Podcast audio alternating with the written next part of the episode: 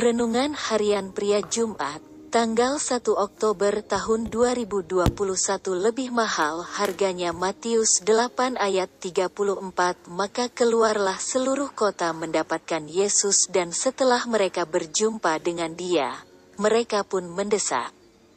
Supaya ia meninggalkan daerah mereka. Dua orang yang kerasukan setan itu ditolong oleh Yesus dan roh-roh jahat yang merasuk mereka keluar dan masuk ke babi-babi. Di Injil Markus dituliskan peristiwa yang sama dengan menuliskan jumlah babi-babinya ada kira-kira 2000 ekor babi jumlahnya. Dan itu membuat seluruh kota mendapatkan Yesus dan mendesaknya untuk meninggalkan daerah mereka. Memang tidak diceritakan dengan jelas mengapa penduduk kota mengusir Yesus yang telah membebaskan dua orang yang kerasukan roh-roh jahat.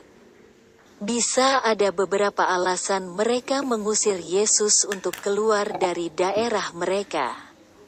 Salah satunya adalah mereka lebih menghargai babi-babi dari kehidupan manusia. Bisa saja mereka takut kalau Yesus masih ada di kota mereka maka akan ada banyak lagi babi-babi yang mati masuk ke jurang.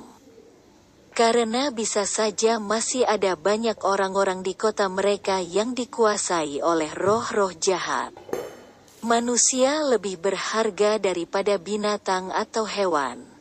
Termasuk babi bahkan lebih mahal dari harga 2000 ekor babi.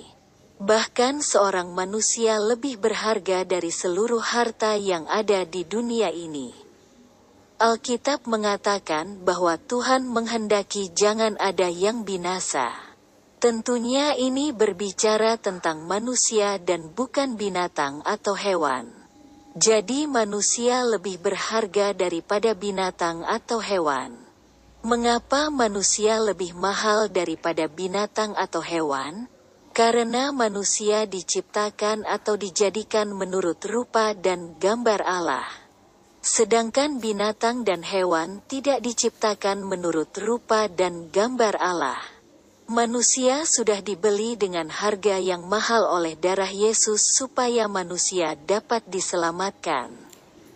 Jadi hidup Anda dan saya berharga dan penting di hadapan Tuhan. Marilah kita pergunakan hidup kita ini untuk memuliakan nama Tuhan dan menjadi berkat bagi banyak orang. Refleksi diri. Apa yang firman Tuhan katakan kepada Anda?